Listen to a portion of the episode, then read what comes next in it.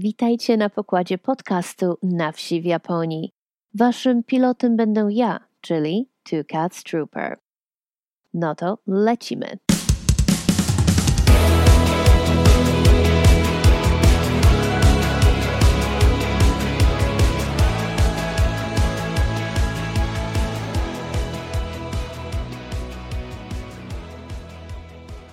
Odcinek trzeci. O Amaterasy i miasteczku Takecicho w prefekturze Miyazaki. Ale zacznijmy od początku.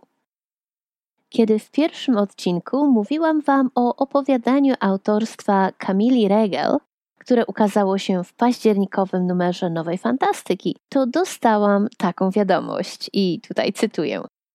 A co wspólnego mają marsjańskie materace z mitologią japońską? Koniec cytatu. I przez kilka dobrych minut zastanawiałam się, o co w tej wiadomości chodziło. Bo nie wspominałam przecież o żadnych materacach. No, przynajmniej nie przypominałam sobie, żebym wspominała. Już miałam lecieć i słuchać tego odcinka raz jeszcze, bo być może byłam tak zmęczona, kiedy go nagrywałam, że faktycznie mm, palnęłam jakąś głupotę. Hmm.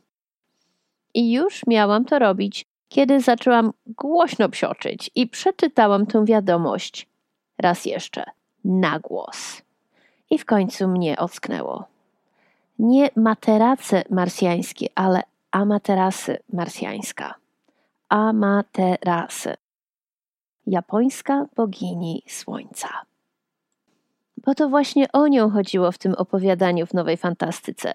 I ta wiadomość, którą dostałam, tylko potwierdziła to, o czym wspominałam w pierwszym odcinku. Dla osób nieobeznanych z mitologią japońską to opowiadanie było całkowicie niezrozumiałe. Choć przynajmniej czytając je i patrząc na papier lub na ekran komputera, co kto lubi, widać, że nie chodzi o materace, ale o kogoś nazywanego Amaterasy. Więc jak to jest z tą japońską bogini słońca? Skąd ona się wzięła i dlaczego jest taka ważna. Hmm. I tu muszę od razu Wam powiedzieć, że mitologia japońska do najłatwiejszych nie należy. Jest zagmatwana. Wiem, że ukazała się książka pod tytułem Mitologia japońska w Polsce, ale jeśli chodzi o mój punkt odniesienia, to dla mnie jest to głównie kodziki. A co to takiego te kodziki? Jest to księga, w której jakoby jest spisana oficjalna historia Japonii. W Polsce kodziki zostało opublikowane w 1986 roku jako Księga Dawnych Wydarzeń w przekładzie profesora Wiesława Kotańskiego. Był on wybitnym japonistą i o ile się nie mylę, to właśnie on stworzył Wydział Japonistyki na Uniwersytecie Warszawskim. Ale jeśli się mylę, to dajcie mi znać, sprostuję. I tu od razu mówię, że nie jestem japonistką i nie interesuję się tak naprawdę językiem japońskim. Kodziki mam w wersji angielskiej. I powiem Wam, nawet po angielsku ciężko się to czyta. Tłumaczenia polskiego w ogóle nie znam, więc na jego temat mm, nie jestem w stanie się wypowiadać. No ale wracamy do postaci Amaterasy. Bogini Słońca. Tak, fajnie. Ale nie tylko, bo według legendy Amaterasu jest również mityczną przodkinią japońskiej rodziny cesarskiej. No bo jeśli ktoś chce rządzić krajem, to wypadałoby pokazać, że ma do tego prawo, no nie? A jakie jest najlepsze prawo i przyzwolenie? Pochodzące bezpośrednio od bogów. Wtedy już nikt nie powinien się sprzeciwiać, bo przecież nikt przy zdrowych zmysłach nie będzie się kłócił z, z wolą Bożą. Niebiosa tak zadecydowały i tyle. I tak to oto aż do końca II wojny światowej mieszkańcy Wysp Japońskich byli uczeni, że cesarz był żyjącym Bogiem. No bo przecież Amaterasu była jego pra, pra, pra, pra pomnożone ileś tam razy prababcią. Oficjalnie zmieniło się to dopiero 1 stycznia 1946 roku, kiedy to cesarz Hirohito ogłosił w bardzo zagmatwany zresztą sposób, który do dzisiaj podlega debacie, no ale ogłosił, że nie był żywym Bogiem lub potomkiem bogów, a jedynie zwykłym człowiekiem. No i niestety ta deklaracja została wydana w bardzo specyficznej, archaicznej wersji japońskiego i do dziś skrajna prawica oraz niektóre organizacje sintoistyczne nie przyjmują jej treści do wiadomości. I nadal są one przekonane o boskości cesarza. A co za tym idzie, o wyższości całego narodu japońskiego. I tutaj wkraczamy w bardzo głębokie bagno polityczno-religijne, więc pozwólcie, że się wycofam.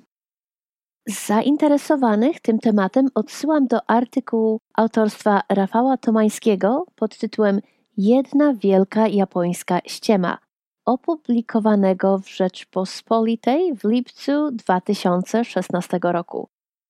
Felieton pana Rafała był bardzo wyraźnie inspirowany, delikatnie mówiąc, w cudzysłowie inspirowany, artykułem anglojęzycznym The Religious Cult Secretly Running Japan autorstwa Jake'a Adelsteina i Mary Yamamoto, który ukazał się w The Daily Beast.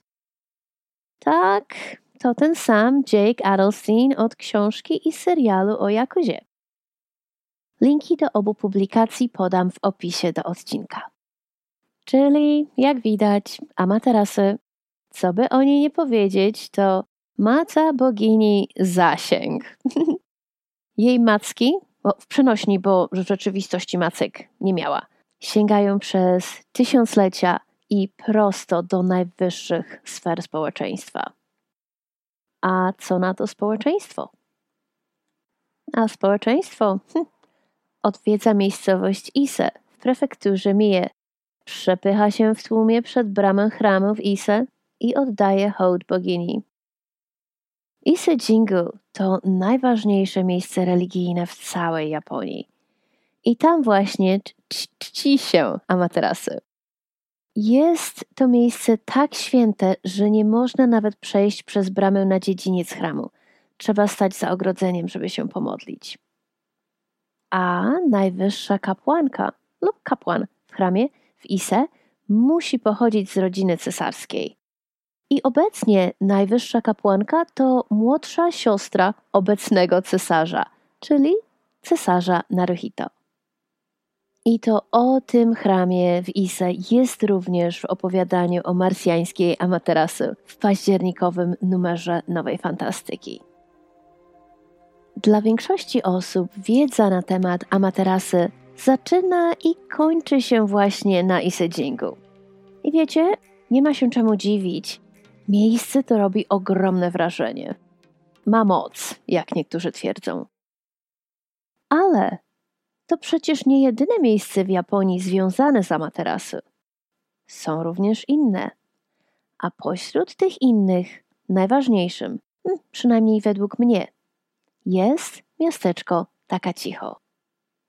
Takachiho to mała miejscowość położona w północnej części prefektury Miyazaki na wyspie Kyushu. A jak mała? Mieszka tam raptem 11 tysięcy ludzi, czyli jak na warunki japońskie jest to maciupeńkie miasteczko. Ale za to odwiedza je ponad milion turystów rocznie. Turystów krajowych. I tu taki paradoks, bo taka cicho jest prawie zupełnie nieznane wśród turystów zagranicznych. A jeśli ktoś z zagranicy już to miejsce odwiedził, to zazwyczaj tylko i wyłącznie dla spektakularnego wąwozu taka cicho gorge. Dla porównania, Malbork w Polsce jest odwiedzany przez około pół miliona turystów rocznie. Ale dla bardziej japońskiego porównania powiem Wam, że przed pandemią Nikko w prefekturze Tochigi odwiedziło 12 milionów turystów w ciągu jednego roku. No, ale Nikko to miejsce światowego dziedzictwa UNESCO. A taka cicho to mała, senna mieścina, do której nie jest łatwo dojechać. No i tutaj muszę Wam zdradzić małą tajemnicę, bo, hmm, jakby to powiedzieć, niespecjalnie lubię wyspę Kyushu. Ludzie zawsze zachwycają się prefekturą Oita i słynnym onsynowym miastem Beppu, zachwycają się Kagoshimą, zachwycają się Fukuoką, Nagasaki albo prefekturą Kumamoto, a o Miyazaki mówi się bardzo mało, albo nie mówi się wcale. A szkoda, bo Miyazaki to nie tylko jedno z moich ulubionych miejsc na wyspie Kyushu, ale chyba muszę powiedzieć, że jedno z najbardziej ulubionych miejsc tak ogólnie w całej Japonii. Miyazaki ma fantastyczne wybrzeże, pełne plaż z idealnymi warunkami do uprawiania surfingu. Ma historyczne chramy i miejsca z tak niesamowitymi widokami, że, że aż dziwne, że nie ma tam tłumów obcokrajowców i instagramerów. Na przykład wysepka Aoshima i wulkaniczne wybrzeże przypominające kamienną tarkę. To niemal widoki jak z innej planety.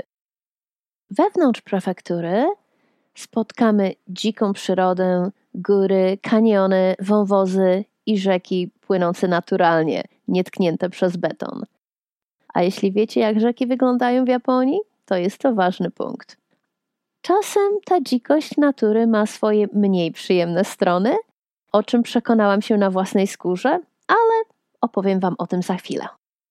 I jakby przyrody i historii było mało, to Miyazaki ma również świetną domową kuchnię.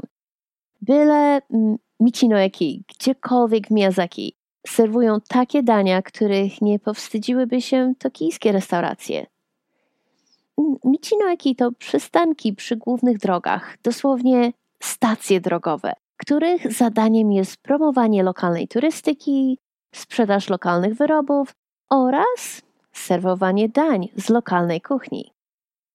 Dla mnie Miyazaki było miłością od pierwszego wejrzenia.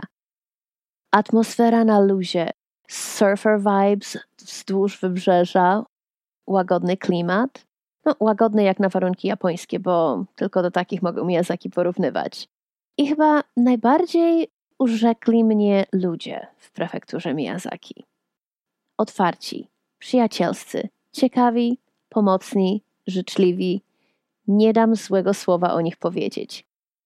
No, może oprócz tego, że nigdzie im się nie spieszy. No to jak? Myślicie, że taka prefektura przypadłaby Wam do gustu? Hmm.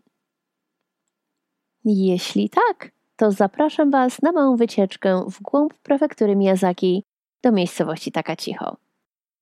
Takacicho słynie z przepięknych widoków, miejsca w mitologii japońskiej oraz kultury, której nie spotka się nigdzie indziej w Japonii. No to jedziemy.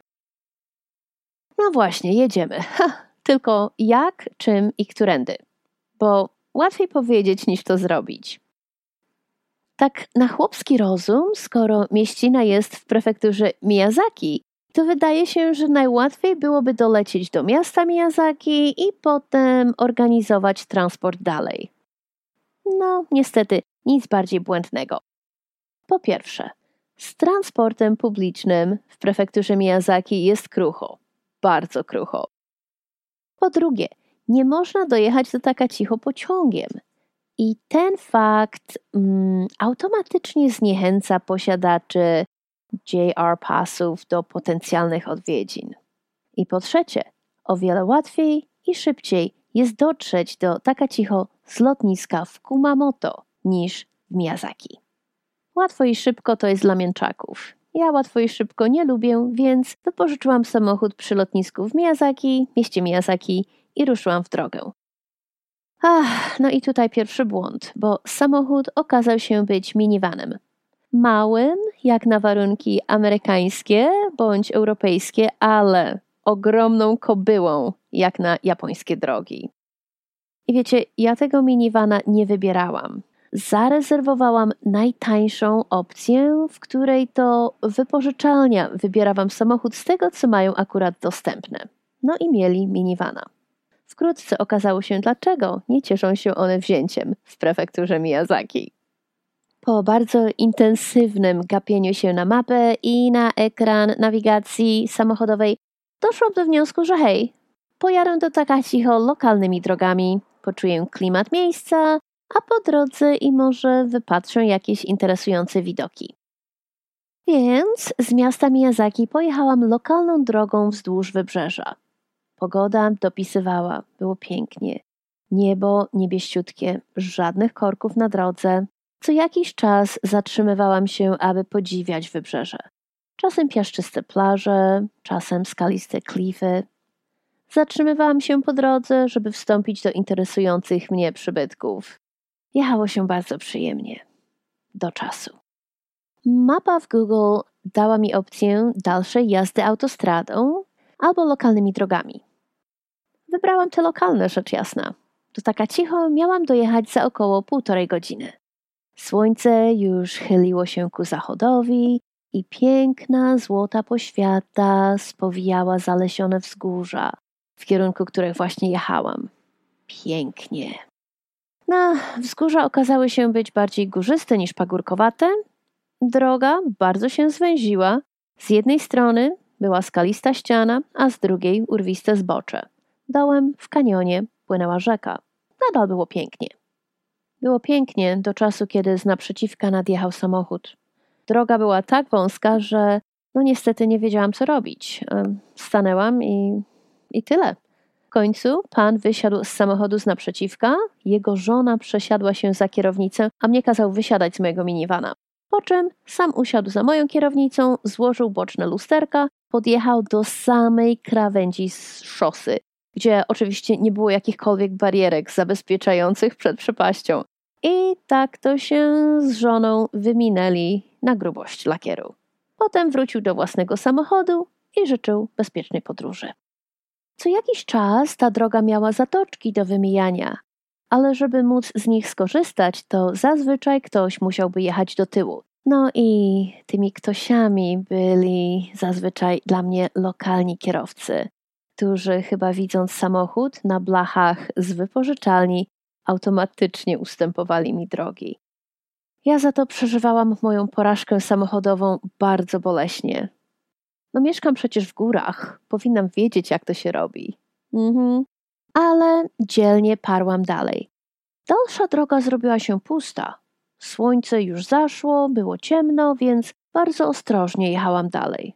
Aż tu nagle drogę zagradzał mi szlaban.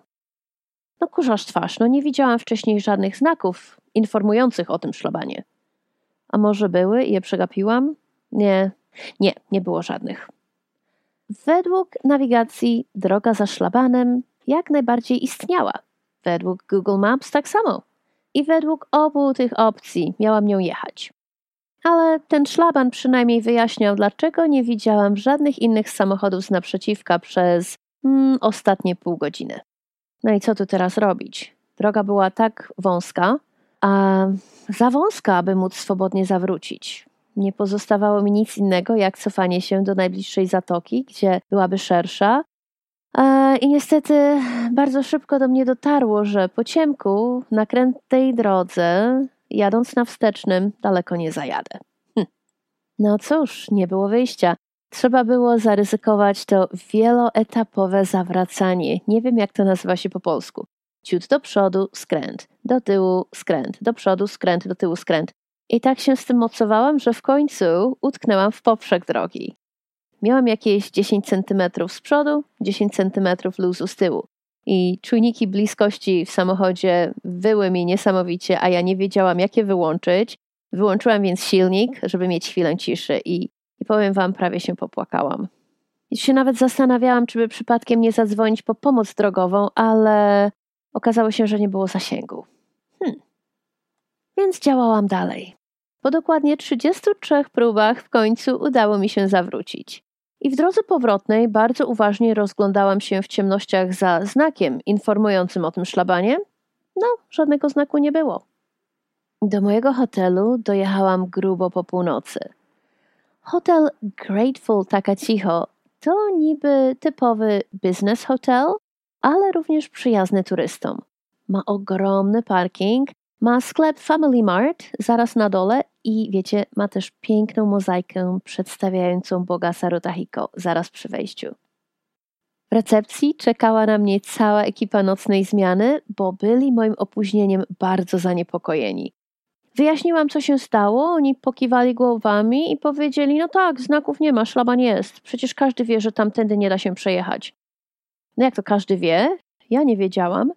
Więc szybko dodali, że o, turyści powinni jeździć autostradą. I tak to dostałam nauczkę. Obsługa hotelu przepraszała, że niestety, ponieważ przyjechałam tak późno, nie uda im się zorganizować dla mnie biletu na występ tańca Kagura na następny wieczór, bo ja, bo już jest za późno. Wiecie, nie było wszystko jedno. Zameldowałam się, na powitanie dostałam pakiet z herbatą i dostałam też ciasteczka w kształcie sarutahiko i amanoizume i padłam na łóżko. Moja ostatnia myśl tamtego wieczora to hmm, nienawidzę tego miejsca. Nienawidziłam tego miejsca następnego dnia rano, bo padał deszcz. Było mokro, błotno i bardzo zielono. Moja opinia zmieniła się, kiedy deszcz ustał. Nad wzgórzami unosiła się mgła, która dodawała całej okolicy tajemniczości. Czułam wtedy, że to miejsce będzie dla mnie specjalne. Z hotelu z buta udałam się do głównego chramu w Takacicho. Wiecie, ja nie pojechałam do Takacicho szukać Amaterasu. O nie. Pojechałam szukać Sarutahiko i Amano Uzume, czyli mojej ulubionej boskiej pary. I się nie zawiodłam. Można ich znaleźć dosłownie na każdym kroku. O tej parze opowiem Wam w jednym z przyszłych odcinków, bo warto o nich więcej wiedzieć. Ale nie byli oni jedynym powodem, dla którego odwiedziłam taka cicho. O nie! Pojechałam do taka cicho szukać wysokiej równiny niebios, czyli miejsca skąd pochodzą bogowie. Po japońsku Takamagahara. A władczynią tej niebiańskiej równiny jest właśnie Amaterasu. Ale zaraz, co ma wspólnego mityczne miejsce zamieszkania bogów z małym miasteczkiem gdzieś tam w czeluściach prefektury Miyazaki? No właśnie. Legenda głosi, że taka cicho to miejsce, gdzie znajdowała się ta wysoka równina niebios. Ale żeby nie było tak łatwo, to jest jeszcze drugie miasteczko w prefekturze Miyazaki, które również uważa się za lokalizację Takamagahara. No, jak widać, bogowie w Miyazaki mają bardzo duże wzięcie. To drugie miasteczko to Takahary i o nim opowiem Wam hmm, może innym razem. Ja osobiście obstawiam Taka Cicho jako niebiańską miejscówkę z bardzo prostego powodu. To w Taka Cicho znajduje się mityczna jaskinia, w której schowała się Amaterasu po kłótni ze swoim bratem Susanoo. Ta mityczna jaskinia to Amanoiwato, czyli jaskinia niebios. I tutaj trzeba wspomnieć, że jaskiń, które sięgają po to niebiańskie miano, jest w Japonii kilka. I wiecie, jedna z nich znajduje się nawet w mojej prefekturze, tutaj, w Gummie, w wiosce Ueno. Oczywiście byłam i tam, ale hmm, mój głos nadal oddaję na taka cicho. No więc podsumujmy do tej pory. Prefektura Mie ma Ise Jingu, czyli chram Ise. Prefektura Miyazaki ma chram Amano Iwato w Takachiho. Jakieś 10 kilometrów od centrum Takachiho, otoczony wiekowymi drzewami i usytuowane nad brzegiem rzeki, znajduje się jedno z najbardziej świętych miejsc na wyspie Kyushu, jeśli nie w całej Japonii. I w przeciwieństwie do chramów Ise, taka cicho można podejść i pomodlić się do bogini słońca i założycielki japońskiej dynastii cesarskiej bezpośrednio, bo to właśnie Amaterasu jest czczona w Amano-Iwato. I to w Amano-Iwato znajduje się replika boskiego zwierciadła, czyli Yata no Kagami, którym ponoć wywabiono Amaterasu z jaskini. Ponoć oryginał znajduje się w chramie w Ise. Chram Amano można odwiedzić, ale niestety do samej świętej jaskini nie można się dostać. Można ją oglądać z platformy obserwacyjnej, która znajduje się za chramem, ale najpierw trzeba przejść przez rytuał oczyszczający i na platformie jest się pod bacznym okiem kapłana, który między innymi pilnuje, aby nikt nie robił zdjęć. Sama święta jaskinia znajduje się po drugiej stronie rzeki. No i jak już wspomniałam, niestety zdjęć robić nie wolno. Ale patrząc na okolice, nie wiem jak Amaterasu dostała się do tej jaskini i jak udało jej się w niej zabarykadować, bo wiecie, nie wyglądało mi to na łatwe zadanie. Chyba, że potrafiła ona latać, albo była bardzo doświadczona we wspinaczkach górskich. Ale jeśli tak, to skąd wziął się ten głaz, którym niby zasunęła wejście do jaskini? Hmm, tajemnicze. No, niestety nie mam na to wyjaśnień. Można za to łatwo dostać się do innej jaskini, która znajduje się jakieś hmm, 10 minut spacerem od chramu. I muszę Wam powiedzieć, jest to piękny spacer.